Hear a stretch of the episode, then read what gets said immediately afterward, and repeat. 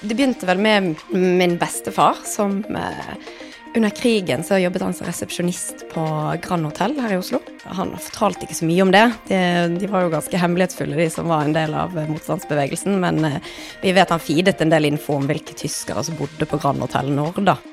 Min far har også drevet nattklubb, og min tante og onkel og alle har vært i bransjen. Og var det én ting de sa til meg, var aldri gå inn i restaurantbransjen.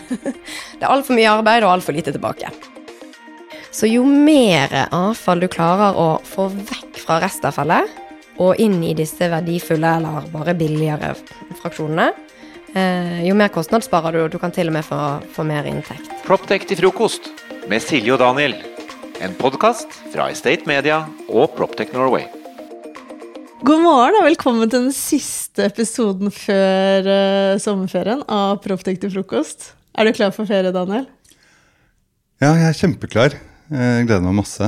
Nå ligger vi veldig godt an i løypa med Proptech Summit i september. Og så tar jeg med meg familien en tur til eh, Canada. En, eh, en, sånn liten eh, by der moren min vokste opp, som tiden har forlatt. Men så ender vi på en måte opp i, i New York, da, min gamle by, hvor, hvor kanskje Proptech, altså som er kanskje Proptechens hovedsete i, i USA. Så jeg skal kose meg der òg. Uh, og du, du um, det er jo ikke noe hemmelighet at du, du, vokser du også, Silje, på en litt annen måte enn det jeg gjør. Hva skal du i sommer?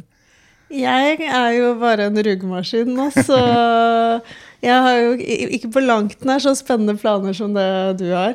Jeg tror jeg kommer til å jeg holder meg hjemme og mye i Norge frem til eh, fødsel i august. Så det Jeg syns det er ganske spennende planer, egentlig. da. Ja, spennende og skummelt. Mm, skjønner det. Mm. Men uh, vi har en uh, Apropos spennende, vi har jo en uh, veldig interessant gjest her i dag. Så jeg tenker at vi må jo bare sette i gang for den introen din. Det vet jo alle. Den, den tar litt tid. Ja, du mener vi skal ha litt tid etter, etter den også? Um, ja, jeg kan, jeg kan, gjerne introdusere litt. Vi skal møte noen som snur fryktelig mange hoder i norsk og internasjonal proptech for tiden. Nemlig Tine Holm i resirkuleringsselskapet Carrot. Um, jeg har sett uh, Carrot i en del pitchekonkurranser uh, nå, uh, og de vinner jo liksom absolutt alt de stiller opp på, med sine gode historier og historiefortelling og veldig sjarmerende argumentering. Um, så litt grann bakgrunn bare på Carrot. Uh, det var jo sånn, selveste David Attenborough, uh, vår alles helt, som sa det for ganske mange år siden. At teknologien som skal liksom få oss ut av uh, klimaknipen og miljøknipen, den finnes jo kanskje allerede. men det som gjør at den faktisk vil tas i bruk, det er at folk har lyst til å bruke den. Og den veien går jo gjennom eh, lommeboken, først og fremst. Både med pisk og da også med gulrot. Eh, og pisken er jo kommet på plass, faktisk. Eh, EUs nye taksonomi. Som er en klassifiseringsordning som styrer penger vekk fra selskaper som bare liksom grønnvasker. Det gjør det veldig mye og stadig mye dyrere å følge med på teknologien som liksom virkelig reduserer bransjens klimaavtrykk.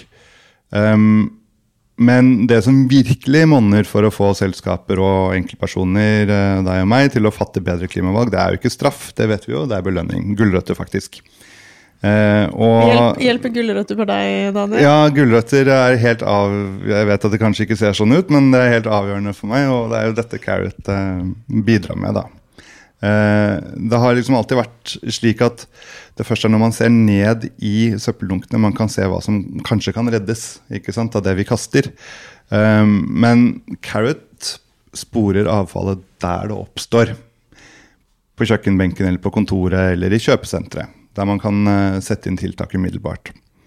Og så bruker de teknologi til å koble avfallsenheter opp med brukerne, slik at man kan spore hva som kastes, og hvem som kaster det, og når det kaster. Og sånn kan man da forbedre hele infrastrukturen rundt dette med resirkulering og avfall. Man kan ikke minst lage avgiftsmodeller som motiverer oss da, til eh, en mer bærekraftig atferd. Og Det betyr også en større mulighet for å omsette visse typer avfall som en verdifull ressurs istedenfor søppel. Eh, og Det er ganske vakkert. Og det fungerer eh, sjokkerende bra. Det er derfor vi har fått eh, Tine hit. Etter mange år i eh, finans så er hun nå i Proptech, og der ble hun ganske raskt kåret til en av Norges 50 viktigste kvinner i tech.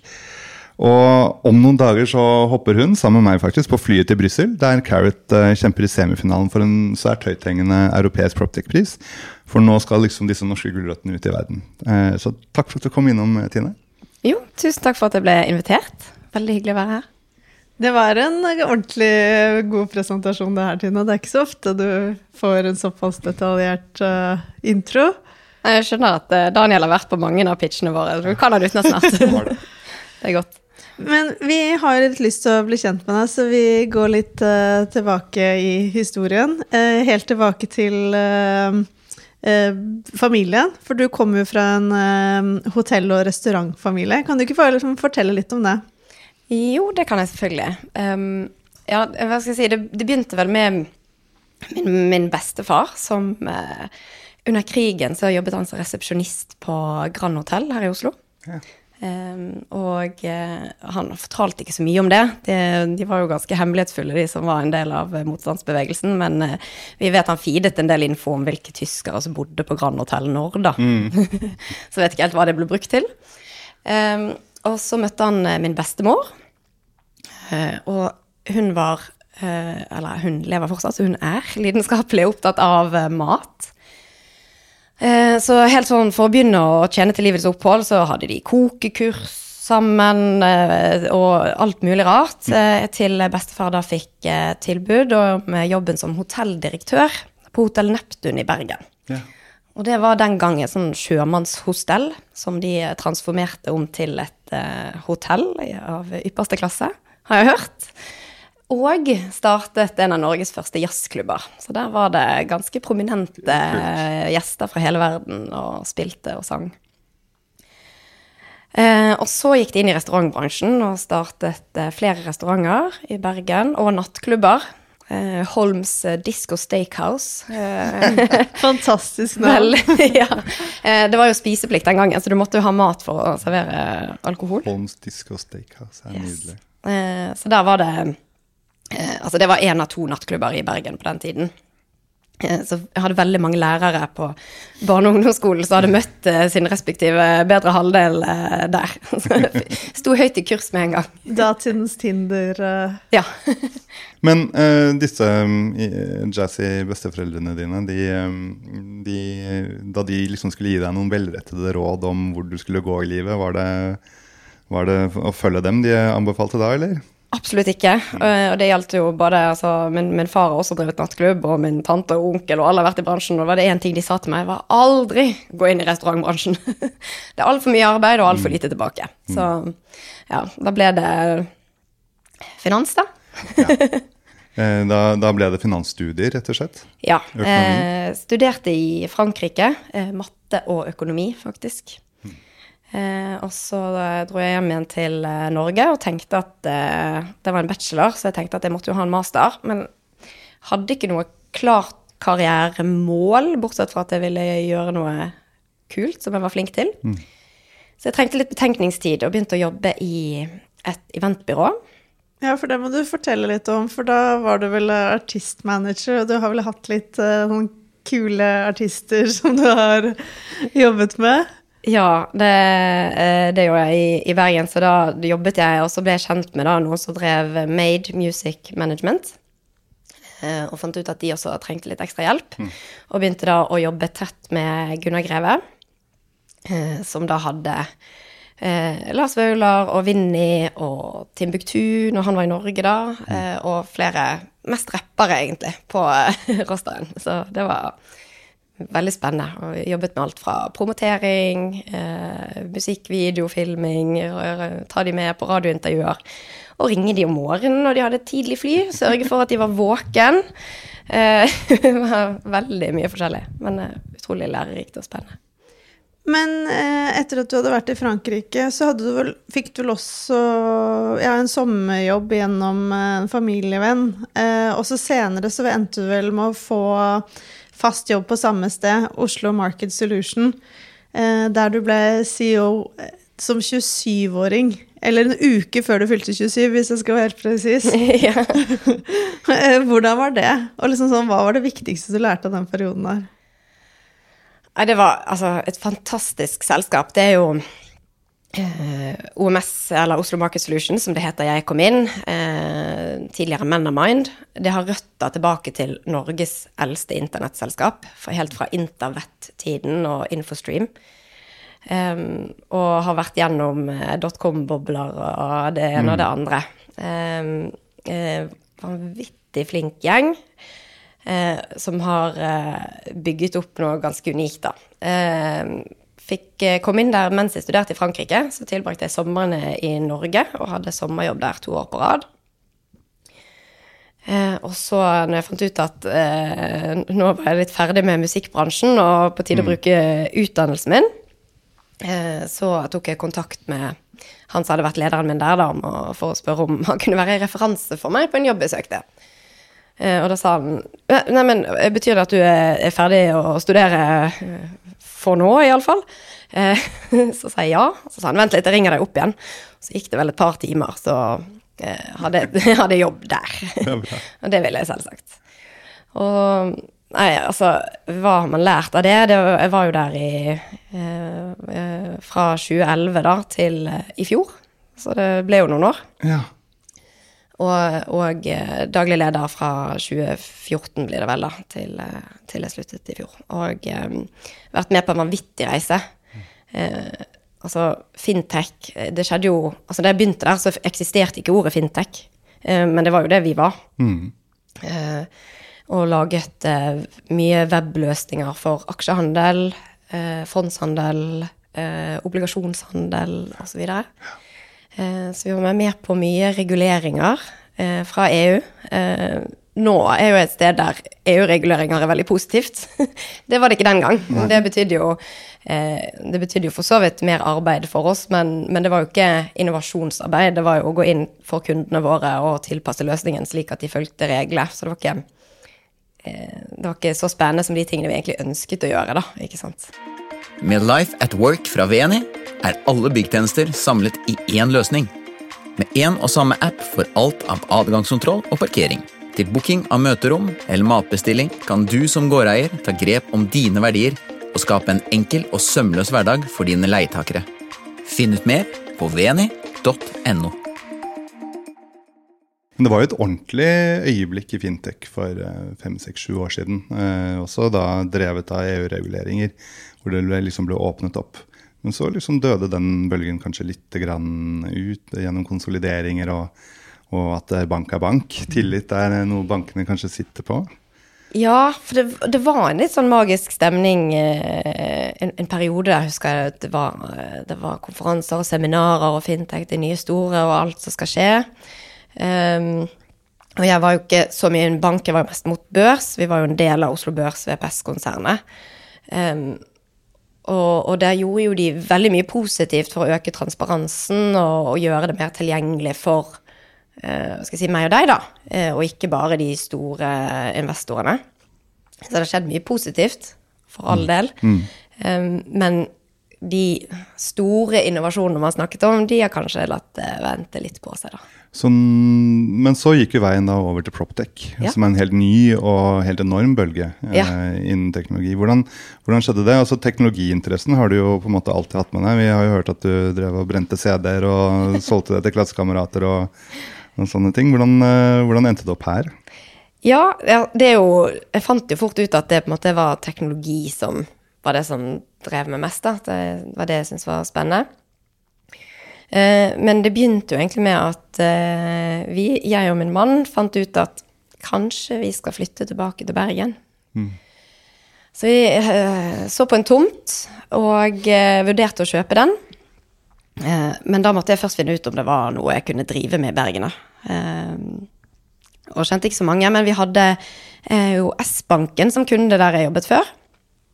Eh, og hadde fått noen eh, gode bekjentskaper med ordentlig flink, flinke folk. Altså det er jo en utrolig flink gjeng i S-banken. Eh, så jeg sendte melding til en av de, som fort satte meg i kontakt med alt som rørte seg og gikk i Bergens innovative miljø, som var jo mye større enn jeg ante. Det var jo ja, på den tiden ti år siden jeg hadde bodd i byen. Eh, Så da satte han eh, meg i kontakt med eh, da eh, Tore Totland, som er CEO og co-founder av eh, Carrot. Hva var det du likte så godt med dem, eller hva var det som du liksom tenkte at åh, her har jeg lyst til å jobbe, det her er et fascinerende selskap? Altså, det, var, det er jo eh, todelt, og det, det første eh, Jeg jeg burde jo sagt det grønne først, men det første for meg, det var jo egentlig at her er det noen som anvender teknologi, hvor jeg får være med på en sånn digitaliseringsreise helt fra bunnen av. Eh, For selv om jeg fikk være med på en veldig spennende bølge i fintech, så var finansbransjen allerede kommet ganske langt hva gjelder digitalisering. Eh, Det var ganske lenge siden man brukte papir for å dele ut aksjebrev, ikke sant. Mens i avfallsbransjen så eh, er det ikke kommet eh, noe særlig langt. Man har begynt så vidt, så ikke med helt fra start, men nesten. Eh, Så det var kanskje det mest spennende for å være med på den reisen. Og så selvfølgelig å være med på å løse et ekte verdensproblem. Det er viktig å gjøre aksjehandel tilgjengelig for alle, for, men å kunne være med å løse avfallsproblemet, som jo var mye større enn jeg ante, det, det gir jo en sånn ekstra eh, motivasjon og eh, litt eh, god samvittighet, da. Men for de som ikke vet hva Carrot, hva, hva de gjør, kan du ikke bare forklare det? Så Daniel beskrev det jo veldig godt i starten her, da, men eh, eh, altså, vi er jo en ren software-leverandør, eh, og det vi gjør, det er å samle inn data om hvem som kaster hva, og hvor mye. Eh, fordi at vi ser at vi trenger data for å gjøre det mulig å belønne bærekraftige valg. Um, det, dette er et bilde som jeg liker veldig godt. Det, se for deg at du eh, går på universitetet, da, og så eh, leverer du alle eksamene anonymt. Og på slutten av hvert semester så får hele klassen, eller kanskje til og med hele universitetet, én karakter felles. Det er ikke sånn veldig mye motivasjon til å studere. Motiverende. Da går du heller på den festen. eh. og, og det er litt sånn det er i avfallsbransjen i dag. Eh, enten du er en eh, privatperson som er del av en by, eller om du er en leietaker i en stor bygning. Eh, denne store bygningen får jo vite hvor mye eh, avfall som ble hentet forrige måned, og hva sorteringsgraden var. Men man har jo ikke peiling på hvem som bidrar. Eh, man, hold, man har ingen å holde ansvarlig helt.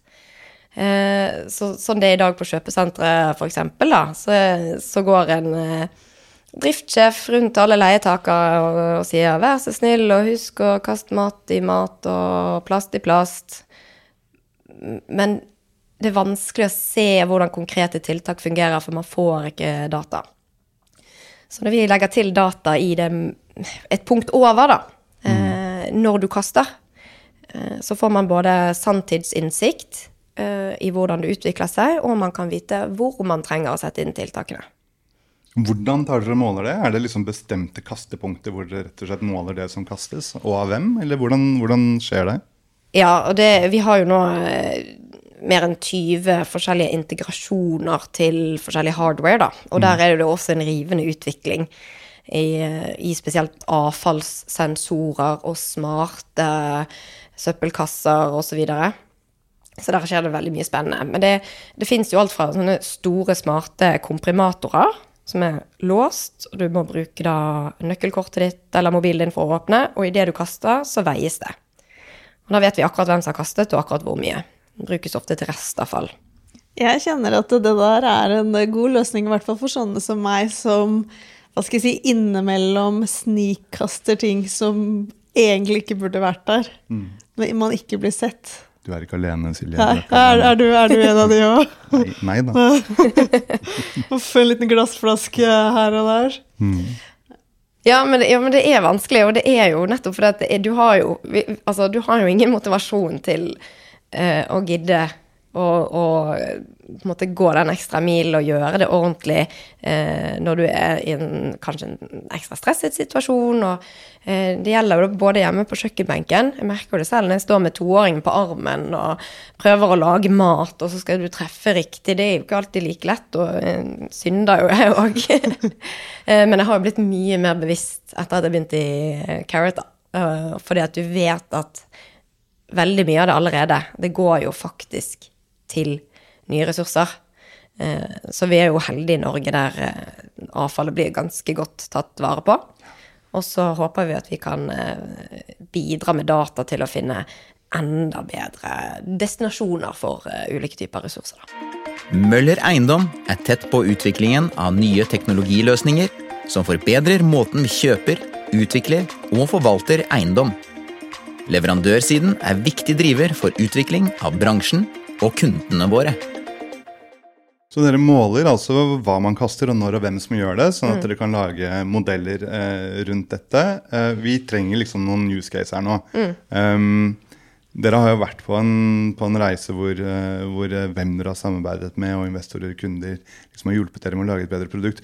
Dere begynte liksom i Bergen den gang det het uh, Carrot het jo Waste IQ. Eh, og sprang ut av et innovasjonsprosjekt i Bergens interkommunale renovasjonsselskap. Eh, hva ble resultatet der?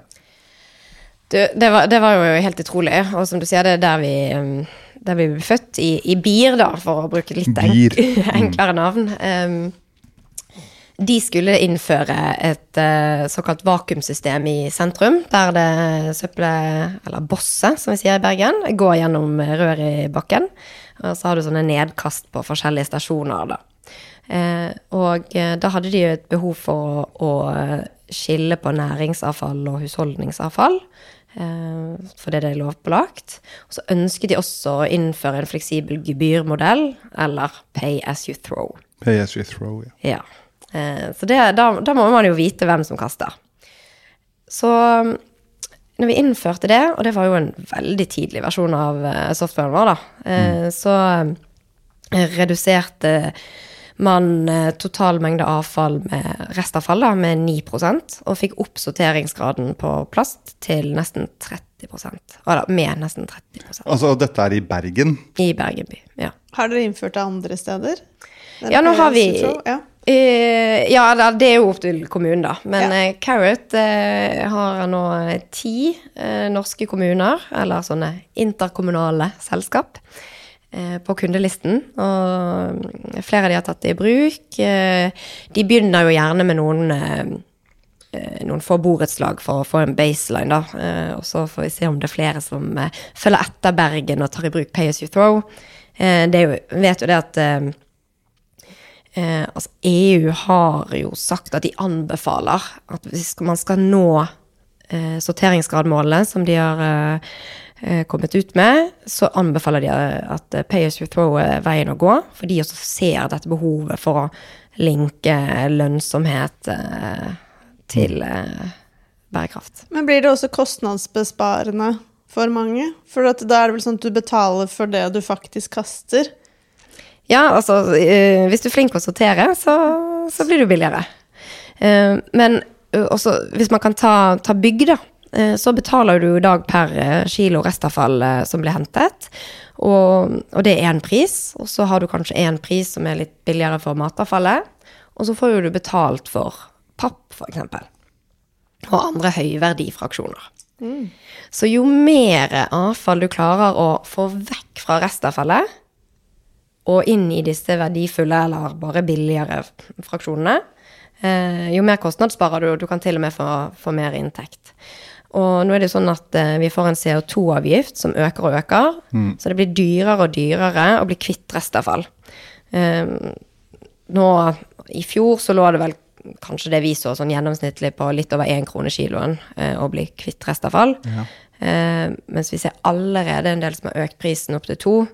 Og, og alt tyder på at det skal enda mer opp. Det ser vi allerede i Sverige, at prisen på restavfall har kommet opp i 3-4 kroner kiloen. Så det blir enda viktigere å få bort ting fra restavfall, for det brennes jo, eh, og over til noe som kan eh, brukes eh, Ja, da har vi jo pisken og gulroten igjen. da. Eh, dere ønsker jo, altså, eller det dere gjør, endrer jo faktisk måten vi ser på avfall. Altså, hva er det egentlig med kaffegrut som, som vi ikke tenker på når vi kaster det i søpla? Ja, tenk det. Kaffegrut det, det kan brukes både i klesproduksjon, Ja. eh, for å gi klær en del sånn tekniske kvaliteter. eh, At det lukter mindre osv. Jeg har sett eh, møbler laget av eh, kaffegrut. Og i den enkleste form så bruk, kan du bruke kaffegrut eh, rått inn eh, sammen med en blanding av eh, eh, noen sånne pellets da, for å dyrke østersopp, som er jo en eh, luksusvare. Eh, så det er det jo flere aktører både i Oslo, Bergen og eh, andre steder i Norge som gjør det, og selger østersopp eh, særlig til restauranter. da. For dere gikk jo inn på et uh, Thon-senter i Bergen, uh, og hva fant dere der? Ja, det var jo da etter uh, BIR, eh, så, så tenkte vi hvor, hvor eh, Nå har vi lest et kjempeproblem på en sånn kommunalt nivå. Eh, er det andre steder vi kan, eh, kan løse det samme problemet? Og det vi så der vi særlig tilfører, tilfører verdi, det er jo der man har mange som bruker samme eh, løsning. For du, hvis du har spannet ditt i hagen, så blir det kanskje litt mer personlig. Du er kanskje litt mer nøye hva du kaster. Eh, Så da fant vi ut at kjøpesentre, der har du gjerne ett eller to avfallsrom som alle butikkene bruker. Vanskelig å motivere de til å gjøre noe bedre. Så da gikk vi inn der, innførte Carrot eh, på ganske sånn enkelt nivå. De hadde én sånn smart komprimator da, som veier og er låst og veldig nøye for restavfallet. Alle de andre avfallstypene, der eh, innførte vi en enkel selvdeklarering. Der du skanner en QR-kode, og så skriver du inn i appen vår da, hvor mye du har kastet av den eh, typen avfall. Om det er jeg har kastet ett lysstoffrør, eller en stor eh, EE-avfallartikkel, eh, eller om det var to kilo matavfall, eller kaffegrut som ble skilt ut som egen. Og, og de hadde jo eh, på dette kjøpesenteret jobbet eh, lenge ganske aktivt med å få opp sorteringsgraden. Eh, men ligget og vaket på sånn rundt 50 55 54% var det vel året før vi kom inn. Og med da å gi data tilbake til leietakerne i appen vår, og ikke minst gi den detaljerte dataen til driftssjefen på kjøpesenteret, sånn at han kunne drive aktiv oppfølging og målrettede tiltak, så gikk sorteringsgraden opp til over 70 Wow. Eh, Så det var, eh, det var over eh, all forventning, nesten. Men utrolig spennende. Og nå har vi jo en rammeavtale med Ton og ruller ut på så mange sentre vi bare kan i år. Det er ganske mange sentre rundt omkring i Norge, det. Ja, det, det er vel litt over 100, da, inkludert et par stykker i Sverige. Så vi har begynt nå med bare fire stykker, sånn at vi er sikre på at vi oppnår de samme resultatene der. Og så eh, kjører vi på til høsten eh, med, med enda flere. Laft tilbyr en fullverdig FDV-løsning som bidrar til enklere og mer effektiv drift både for små og store eiendomsbesittere. Digitaliser den daglige driften, få bedre innsikt og ta bedre beslutninger for porteføljen. Vi leverer moduler for DV, utleie og renhold, i tillegg til en rekke andre tjenester og integrasjoner. Les mer på laft.io. Men eh, sant? vi er jo opptatt av hvordan, hvordan eh, oppstartsselskaper eh, og, og, proptech-selskaper særlig evner å liksom jobbe tett med innovasjonsmiljøene og finansmiljøene for å, for å utvikle produktet sitt. Og, eh, for Carrot så var det vel kanskje altså, det var Nordea og det var Norselab som liksom la dette grunnlaget. Sistnevnte krevde jo en total makeover av merkevaren, og at det liksom tok navnet til en grønnsak. Eh, kan du fortelle litt om den, om, eh, om den prosessen? Ja, og altså, Waste IQ eh, Man syns jo at det var et veldig fint og beskrivende navn. ikke sant? Man tok waste, og så la man til eh, intelligens på det. Men da var jo fokuset kanskje mer at man kan være denne integrasjonsplattformen som vi hadde jobbet mye med. ikke sant? Det å faktisk kunne integrere mot forskjellige typer hardware, eh, slik at man får vekk lock-in til én type vendor osv. Som er fortsatt en viktig del av produktet. Men man så jo det at der man virkelig skaper verdi, er litt lenger ute, og da må man ha et eh, litt mer tiltalende brand, og ikke så teknologfokusert, kanskje. Så det var en eh, prosess eh, initiert av eh, Norselab eh, sammen med Heydays. Utrolig flinke folk. Eh, så jeg tror, tror dere det var litt eh, blandet mottakelse når vi plutselig kom med Carrot. Eh, det var ikke alle som måtte jublet med en gang. Eh, men jeg kan eh, trygt si at nå elsker vi det, og, og internt så elsker vi ordspill på alt som har med grønnsaker og gulrøtter å gjøre. Eh, vi hadde veldig mye gøy med det. Eh, men eh, nei, vi er veldig fornøyde, og at det er et sånn positivt ladet ord. At, det, at vi skal være en uh, gulrot. En veldig fin sånn ledestjerne også på alt vi gjør. da. At uh, vi, vi lar, oss, lar myndighetene ta seg av eh, pisken, reguleringene. Eh, og så prøver vi å være den eh, positive stemmen og både gi data, mer informasjon, vise at det faktisk funker, at det er et system, at ressursene kan eh, bli verdifulle for noen andre. Og, Og at dere synliggjør hva hver enkelt bedrift eller person faktisk eh, bidrar med. Men eh, du eh, ble jo kåret nå tidligere i år av Abelia og Oda-nettverket til en av landets 50 eh, fremste kvinner i tech. Hva tenkte du da?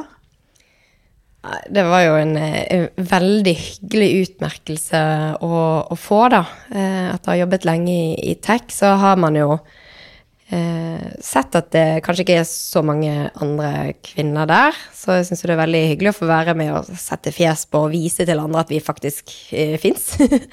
eh, og så er det utrolig kjekt å se at det var Og da var det jo på markeringen så var det jo både de 50 fra i fjor, siden det var covid, og eh, de 50 fra i år, da, som eh, eh, var samlet. Eh, og at det faktisk er så mange nå, eh, både som har vært lenge i bransjen, mye lenger enn meg, men også eh, yngre og mer fremadstormende, som driver med så utrolig mye spennende. Det var veldig inspirerende. For tror du det er en endring nå, med flere kvinner på veien? Absolutt. Jeg ser jo, ser jo det. det. Det er noe helt annet enn det var i 2011, iallfall. Det er det. Og på mandag så setter, jo, så setter vi jo begge kursen til Brussel. Det er semifinaletid i eh, European PropTech Awards, som er en helt enorm pris. Det er ekstremt mange selskaper som eh, melder seg på. Men det betyr jo at dere allerede er topp 50 i Europa. Eh, så det er egentlig da litt på tide å høre hva Cards planer er videre. Er det verden neste nå? Ja, verdensherredømme. Eh, ja, nei, nå har vi, eh, nå har vi jo eh, bevist godt, syns vi, at produktet fungerer i Norge. At det er en god fit, at vi løser et ekte problem. og at vi skaper resultater, ikke bare for oss, men også for kundene våre. Ja, og så ser vi at det avfallsproblemet det er veldig universelt. Um, mange, og, og Norge har vært en perfekt sandbox. Vi er tidlig ute med å ta i bruk teknologi. Eh, og er i hvert fall eh, ganske miljøbevisste og sånn, så det, det kan godt være det dukker opp nye utfordringer. Men eh, takket være pisken på andre siden, da, så, så møter alle bedrifter de samme utfordringene. De, de er nødt til å gjøre noe. Og det ser vi nå når vi har begynt å ha samtaler med bedrifter og, eh, og også offentlige instanser, kommuner i både Sverige, Finland, UK, eh, Nederland og til og med USA. Og eh, stemningen er den samme. De er nødt til å gjøre noe. Og, og mange skjønner det at det vi i Carrot gjør, er i hvert fall en, eh, en viktig del av løsningen.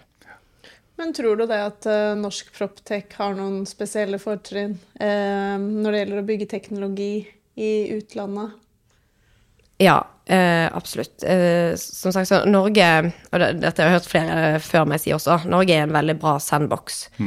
Eh, fordi man kan være litt tidlig ute med ting. Eh, vi er ganske høyteknologisk eh, folk. Det er lett å få oss til å ta i bruk smarttelefonen til nye ting. Eh, betalingsmekanismer er, er lenger fremme. Ikke sant? Du kommer litt ned på kontinentet, så er det et minimumsbeløp for å betale med kort, og eh, de har ikke så mye ekvivalenter til VIPS osv. Så, videre. så det er mange ting som gjør at det er lett å starte i Norge. Eh, men så ser vi at det er jo det er jo det å ta det ut, da. Mm. at man må få til det, og resten av eh, verden må henge med. Hvor er det vi har noe å hente liksom, her i Norge? Altså, som du sier, Det hjelper jo ikke å ha de fantastiske små selskapene med den gode teknologien hvis vi ikke klarer å skalere. Hva, eh, tenker du det er noe vi kan bli bedre på? kapital. Jeg tror eh, Eh, også det har skjedd mye positivt der eh, i det siste, eh, sånn jeg ser det. Eh, kommet eh, mange gode, spennende WC-er eh, som, som går inn som eh, Ja, litt som, som Norselab har gjort som, med oss, da, som aktive eiere og, og kan rådgi, og vi har eh, abs- Det er absolutt i bedring, men det, men det har vært, tror jeg, et større problem. Og det så man Så jeg også veldig i fintech-bølgen, hvordan Sverige bare skylte over oss. Det var ikke, vi hadde ikke sjans, da var vi virkelig lillebror. Nå har vi litt mer muskler å, å slåss med. Så det er vekstkapital som, egentlig, som egentlig trengs, da. Ja. Vi har eh, Jeg tror den eh, den delen har vært veldig tradisjonell, ikke vært veldig risikovillig. Det har vært mye kapital selvfølgelig inn i shipping, sjømat, eh, energisektorene, som er de, de tre klassiske Oslo Børs-sektorene. Og så har man kanskje oversett eh, teknologi litt. Eh, men, eh, men det er absolutt i endring, og det er positivt. Og det trenger vi. Kanskje det viktigste spørsmålet i dag, eh, og siste spørsmål. Du har eh, spilt inn syv reklamefilmer for Toro. eh, hvordan har det seg? Er du sånn superfan? Eh, nei, uh, jeg hadde uh, sånn OD-dag og, um, og måtte finne et sted å jobbe. Og, altså Operasjon Dagsverk. Og da på den tiden så hadde pappa kontor ved, ved siden av en dame som drev et castingbyrå. Så da fikk jeg være hos henne og katalogisere ansikter av mennesker, og samme slengen så tok hun bilde av meg og la meg inn i mappen. Og så et år senere så eh, ringte hun meg og ba meg komme på audition, så jeg var 15. Eh, og eh, sånn ble da Tor og Tine. Um, men eh, det var eh, Det finansierte jo både førerkort og russetid, og tjente, tjente litt penger på det som jeg fikk bruke til viktige ting. Proptech til frokost med Silje og Daniel. En podkast fra Estate Media og Proptech Norway.